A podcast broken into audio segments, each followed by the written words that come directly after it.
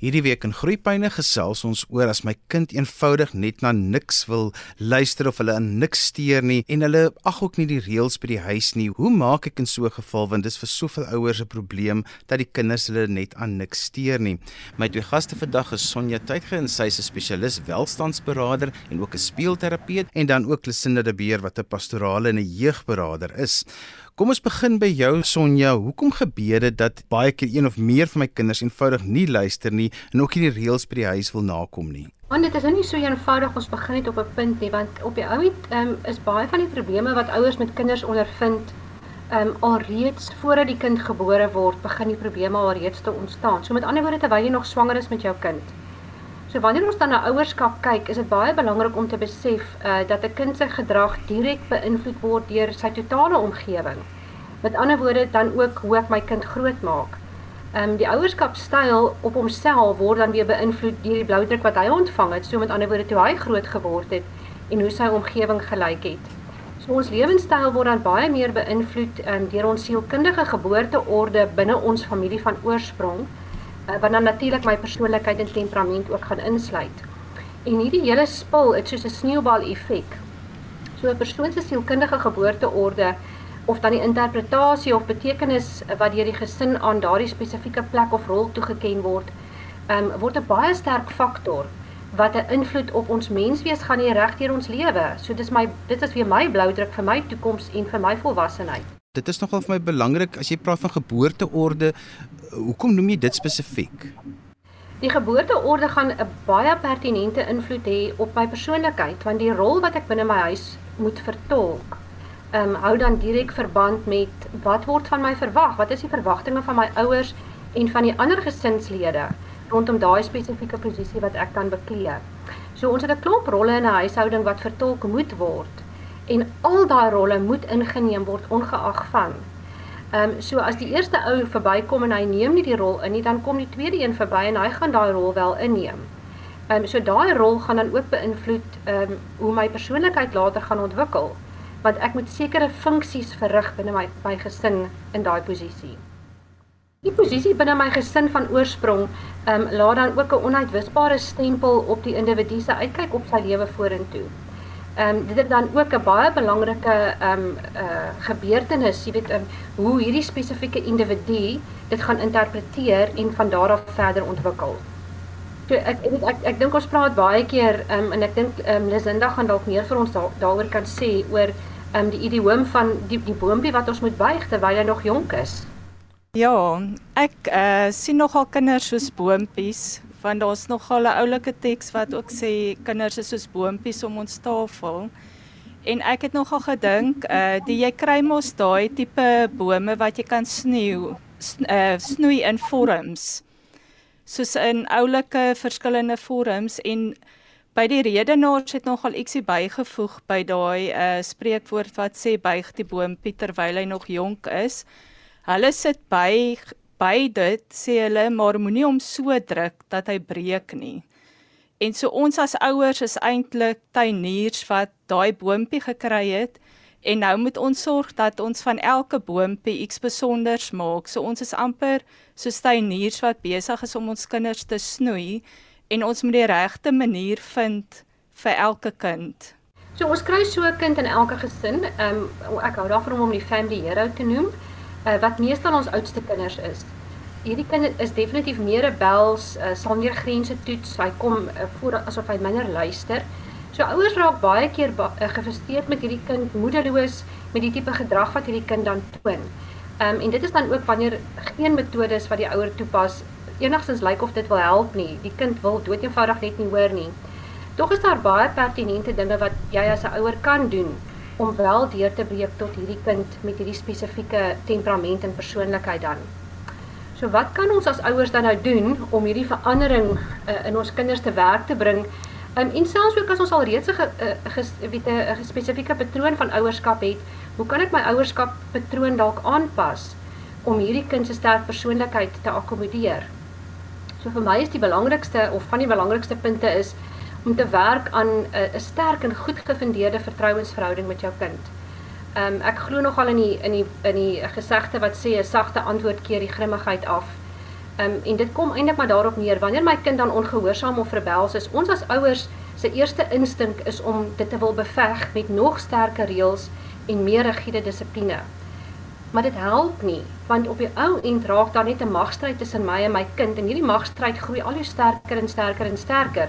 Want hierdie kind se sterk persoonlikheid kom in opstand teen my sterk persoonlikheid wat nou vir hom direk wil um rigiede reëls neerlê. So indien hierdie ouer dan die bogenoemde begin toepas, ek praat nou van die sagte antwoord, um en jou jou benadering heeltemal verander, het ek agtergekom dat hierdie ouers dikwels baie meer gewenste resultate met hulle kind kry. So hoe doen ek dit dan? Uh probeer soms in die middel van hierdie oorlogstryd tussen jou en jou kind jou kind nader trek en 'n drukkie te gee en te sê, "Maar ek is baie trots op jou." Um en ek weet jy gaan die regte besluit neem. Wanneer ek dit doen, gee ek dadelik vir my kind 'n vorm van mag en 'n vorm van beheer. En die kind met die sterk persoonlikheid is presies dit wat hy kort kom. Ek vind ook dat baie dikwels in in my praktyk dat hierdie um, op die oog af rebelse kinders baie baie frustrasie ervaar. Um, hulle ervaar hulpeloosheid en selfs moedeloosheid omdat hulle nie verstaan word nie. Vir hulle voel dit hulle word nie gehoor nie, hulle behoeftes word nie raak gesien nie. En daardie behoeftes is dan ook direk gekoppel aan die kind se persoonlikheid en sy temperament. So indien kinders um, met hierdie sterk persoonlikhede, um, ek sien hulle eintlik maar as leiers wat nogal uitstaan um, as as hulle nou so begin veg uh vir hulle area van beheer, is dit belangrik dat dat ek as ouer inkom en my kind daar help. So indien ek dan my benadering verander, behoort my kind suksesvol uh daarop te, te reageer. Dit beteken ek moet uh, behalwe vir my sagte antwoord ook vir hierdie kind verantwoordelikheid gee. Areas wat hy wel kan beheer. En dit kan ek doen deur byvoorbeeld te sê, ehm um, jy's baie verantwoordelik met baie sterk leierseienskappe. Daarom wil ek vir jou hierdie spesifieke taak gee. Soos byvoorbeeld die hond. Ehm um, dis jou werk om te sorg dat die hond skoon water het, uh, dat die hond kos het elke dag. Ehm uh, met ander woorde, die kind voel bemagtig en hy voel jy vertrou hom met hierdie groot taak wat jy aan hom aan hom toerus. Ehm um, so ook uh, kan ek vir my kind keuses gee. Ehm um, by eintlik sê ons as ouers is geneig om vir ons kinders te sê, ehm um, gaan trek jou sweetpak aan. So in plaas daarvan om te sê gaan trek jou sweetpak aan, gee ek hom 'n keuse. Wil jy vandag jou blou sweetpak aantrek of gaan jy jou jean met jou T-hemp aantrek? So wanneer ek vir my kind dan keuses gee, weer eens voel hy in beheer en hy voel dat hy wel 'n sê het in die saak. Um verduidelik jou redes op 'n logiese manier vir jou kind. Hierdie kinders is gewoonlik baie prakties en hou van praktiese en logiese verduidelikings. Um ek dink ook om um in positiewe versterking van gedrag, as ek nou die Engels kan uh, aanhaal, positive reinforcement in plaas van negatiewe versterking. Um dit doen ek deur 'n werkbare sterrekaartstelsel in werking te stel. So kinders wat um, met sterk persoonlikhede um het, hou daarvan om erkenning te kry vir hulle positiewe pogings. En dis dan presies wat ek met hierdie positiewe sterrekaartstelsel doen. Um behalwe vir die positiewe uh, reaksie wat ek dan kry, is dit ook 'n beloning vir my kind om te sê maar ek sien jou goeie gedrag raak en ek beloon jou daarvoor. En kinders reageer baie goed op dit, veral jou jou kind met die sterk persoonlikheid. So as ek my kind dan met respek behandel, kan ek as ouer verwag om ook respek terug te kry. 'n Groot bepalende aspek rondom respek is natuurlik ook om te hoor wat my kind vir my sê. En wanneer ek dan hierdie ehm um, nie-verbale behoeftes van hom aanspreek en vir hom direk daarmee help, dan voel hy ek het hom gehoor en daardeur gaan ons respek in die uh um pot ingooi wat definitief vir beide kante gaan werk. Want hulle sinne kommunikasie tussen jou en jou kind speel dan maar 'n uiters belangrike rol en een van die eerste reëls van kommunikasie is om met jou kind te bind of met jou kind 'n uh, koneksie te maak voor jy nou allerlei ander goeders wil probeer regstel.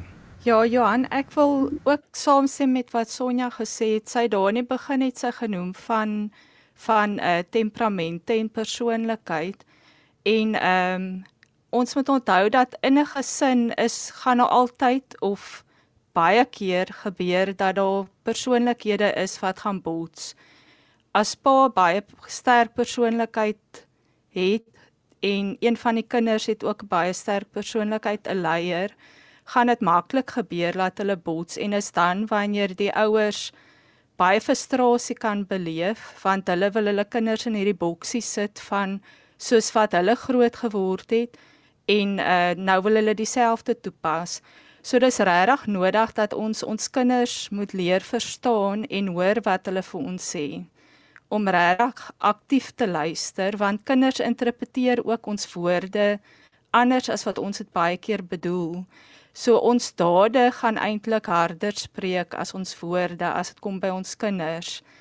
En ehm um, die manier hoe hulle as hulle ervaar dat hulle aanvaar word en dat hulle lief dat hulle ouers vir hulle lief is ongeag wie hulle is, dan gaan jou kind outomaties al makliker hanteerbaar wees want om net verder te raas en vir jou kind goeters te sê wat afbreekend is, gaan hom net meer rebels maak. So dis so die kommunikasie is regtig baie belangrik wat dit betref. En dan uh, moet 'n mens ook onderskei want ge gewoonlik jou jou leiers in 'n gesin is die kinders wat gewoonlik ook baie vrae het. En ons as ouers kan dit maklik beleef dat ons kinders terugpraat of ongeskik is. So ons moet mooi kan onderskei wanneer wil my kind net verstaan wat besig is om te gebeur en wanneer is hy besig om terug te praat want dis daar waar die frustrasie en die moedeloosheid inkom ook wat Sonja van gepraat het. So dis regtig belangrik dat ons ons kinders moet leer verstaan en dat dat ons ons kinders moet leer ken want ons kan nie al ons kinders net in 'n boksie indruk van ek dit is die dissipline styl en dit geld vir almal en dit werk vir almal nie. So ons as ouers moet ook bereid wees om aanpassings te maak waar waar dit uh, nodig is om regtig daai daai kind wat met die sterk persoonlikheid ons leiers om hulle mooi te vorm sodat hulle goeie leiers kan wees want dit is nie noodwendig slegte kinders nie. Want gewoonlik die kinders wat die luister hier word ges, uh, word soos 'n stempeltjie opgesit van uh jy's moeilik of jy's 'n probleemkind of jy's stout of jy maak my mal. Waar daai kinders het soveel potensiaal om werklik sterk leiers te wees, maar dit gaan van ons as ouers afhang wat se tipe leier ons kinders eendag is. So al daai goedjies is baie belangrik dat ons regtig moet moeite maak om om dit wat ons vir ons kinders sê ook dat dit hulle opbou en nie afbreekie want volgens dit bou hulle ook 'n selfpersepsie van wat hulle die heeltyd hoor van hulle ouers af. As hulle die heeltyd hoor jy stout, jy's 'n probleem, dan is dit op die ou ende wat hulle gaan word, is stout kinders en probleemkinders. As jy sopas ingeskakel het, jy luister na Groepyne saam met my Johan van Lille. Ons gesels vandag oor hoe maak ek as my kind eenvoudig na niks luister nie, om aan niks steur nie en ook nie by die reëls van die huis hou nie. My twee gaste vandag is Sonja Tydge en sy's 'n sielkundige en 'n speelterapeut en dat ons ook vir Lisinda Beer, sy's 'n pastorale en jeugberader.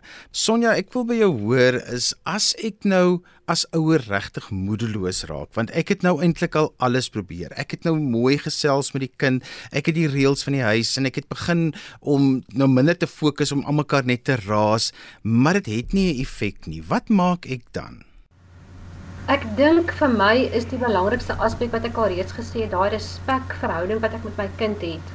Maar weet jy wat het ek ook agtergekom, Johan? Kinders, uh, eintlik enige mens, nie net 'n kind nie reageer baie goed indien hy kennis het. So ek sal graag my kind wil kennis gee, hom wil bemagtig, vir hom miskien ons situasie wil verduidelik en dalk uh, die persoonlikhede in die huis 'n bietjie meer aanspreek om te sê maar kom ons kyk na elkeen se tipe persoonlikheid. Hoekom reageer jy op dalk op 'n rebelse manier um teenoor gesag wat uitgeoefen word? Uh hoe kan ons dit op 'n ander manier doen? Moet ek dalk my stemtoon verander? Ons as ouers moet ook bereid wees om te erken dat ons foute maak. Ons moet nie net aanvaar dat alles wat ons doen reg is en dat ons kind oukei okay moet wees daarmee nie. So kommunikasie is baie belangrik en ek dink Lisinda het ook baie duidelik aangespreek dat uh, hierdie kommunikasieverhouding tussen my en my kind moet nog 'n sterk basis hê. En indien ek met my kind kan kommunikeer, dan gaan ons op die ou end 'n werkbare vergelyk kry. Um, ek wil terugkom by 'n sterrekaart. 'n Sterrekaart doen regtig wondere binne 'n huisgesin. En daardeur gee ek vir hierdie kind ook dan verantwoordelikheid want hy moet self sy sterrekaart voltooi aan die einde van elke dag en sê wat het hy bemagtig en wat het hy nie bemagtig nie. Ehm um, en daardeur sê ek dan aan die einde, maar goed, kom ons kyk nou daarna. In totaal wat kon jy bereik het um, indien jy al jou regmerkies gekry het? waar trek ons nou of ek gee vir jou 'n ekstra beloning um vir baie goeie gedrag wat jy in 'n sekere situasie getoon het sonder dat iemand dit van jou verwag het. Weet kom ons sê maar hy was baie bedagsaam en het mooi met jou gepraat om dit dadelik raak te sien en positief terugvoer vir jou kind daarop te gee. Ehm um, ja, so op die oomblik is dit dit as 'n klomp kommunikasie faktore dink ek wat goeie aanleiding kan gee daartoe en my kan help om my kind weer op die oomblik te help. Ouers moenie bang wees om te erken dat ons ook nodig het om kennis te bekom om ons kinders beter op te voed nie. Lisinda, jy het net nou in die eerste gedeelte nogal 'n belangrike ding uitgelig en dit is om jou kind regtig te hoor, ehm um, hoor die hart van jou kind sê ons altyd.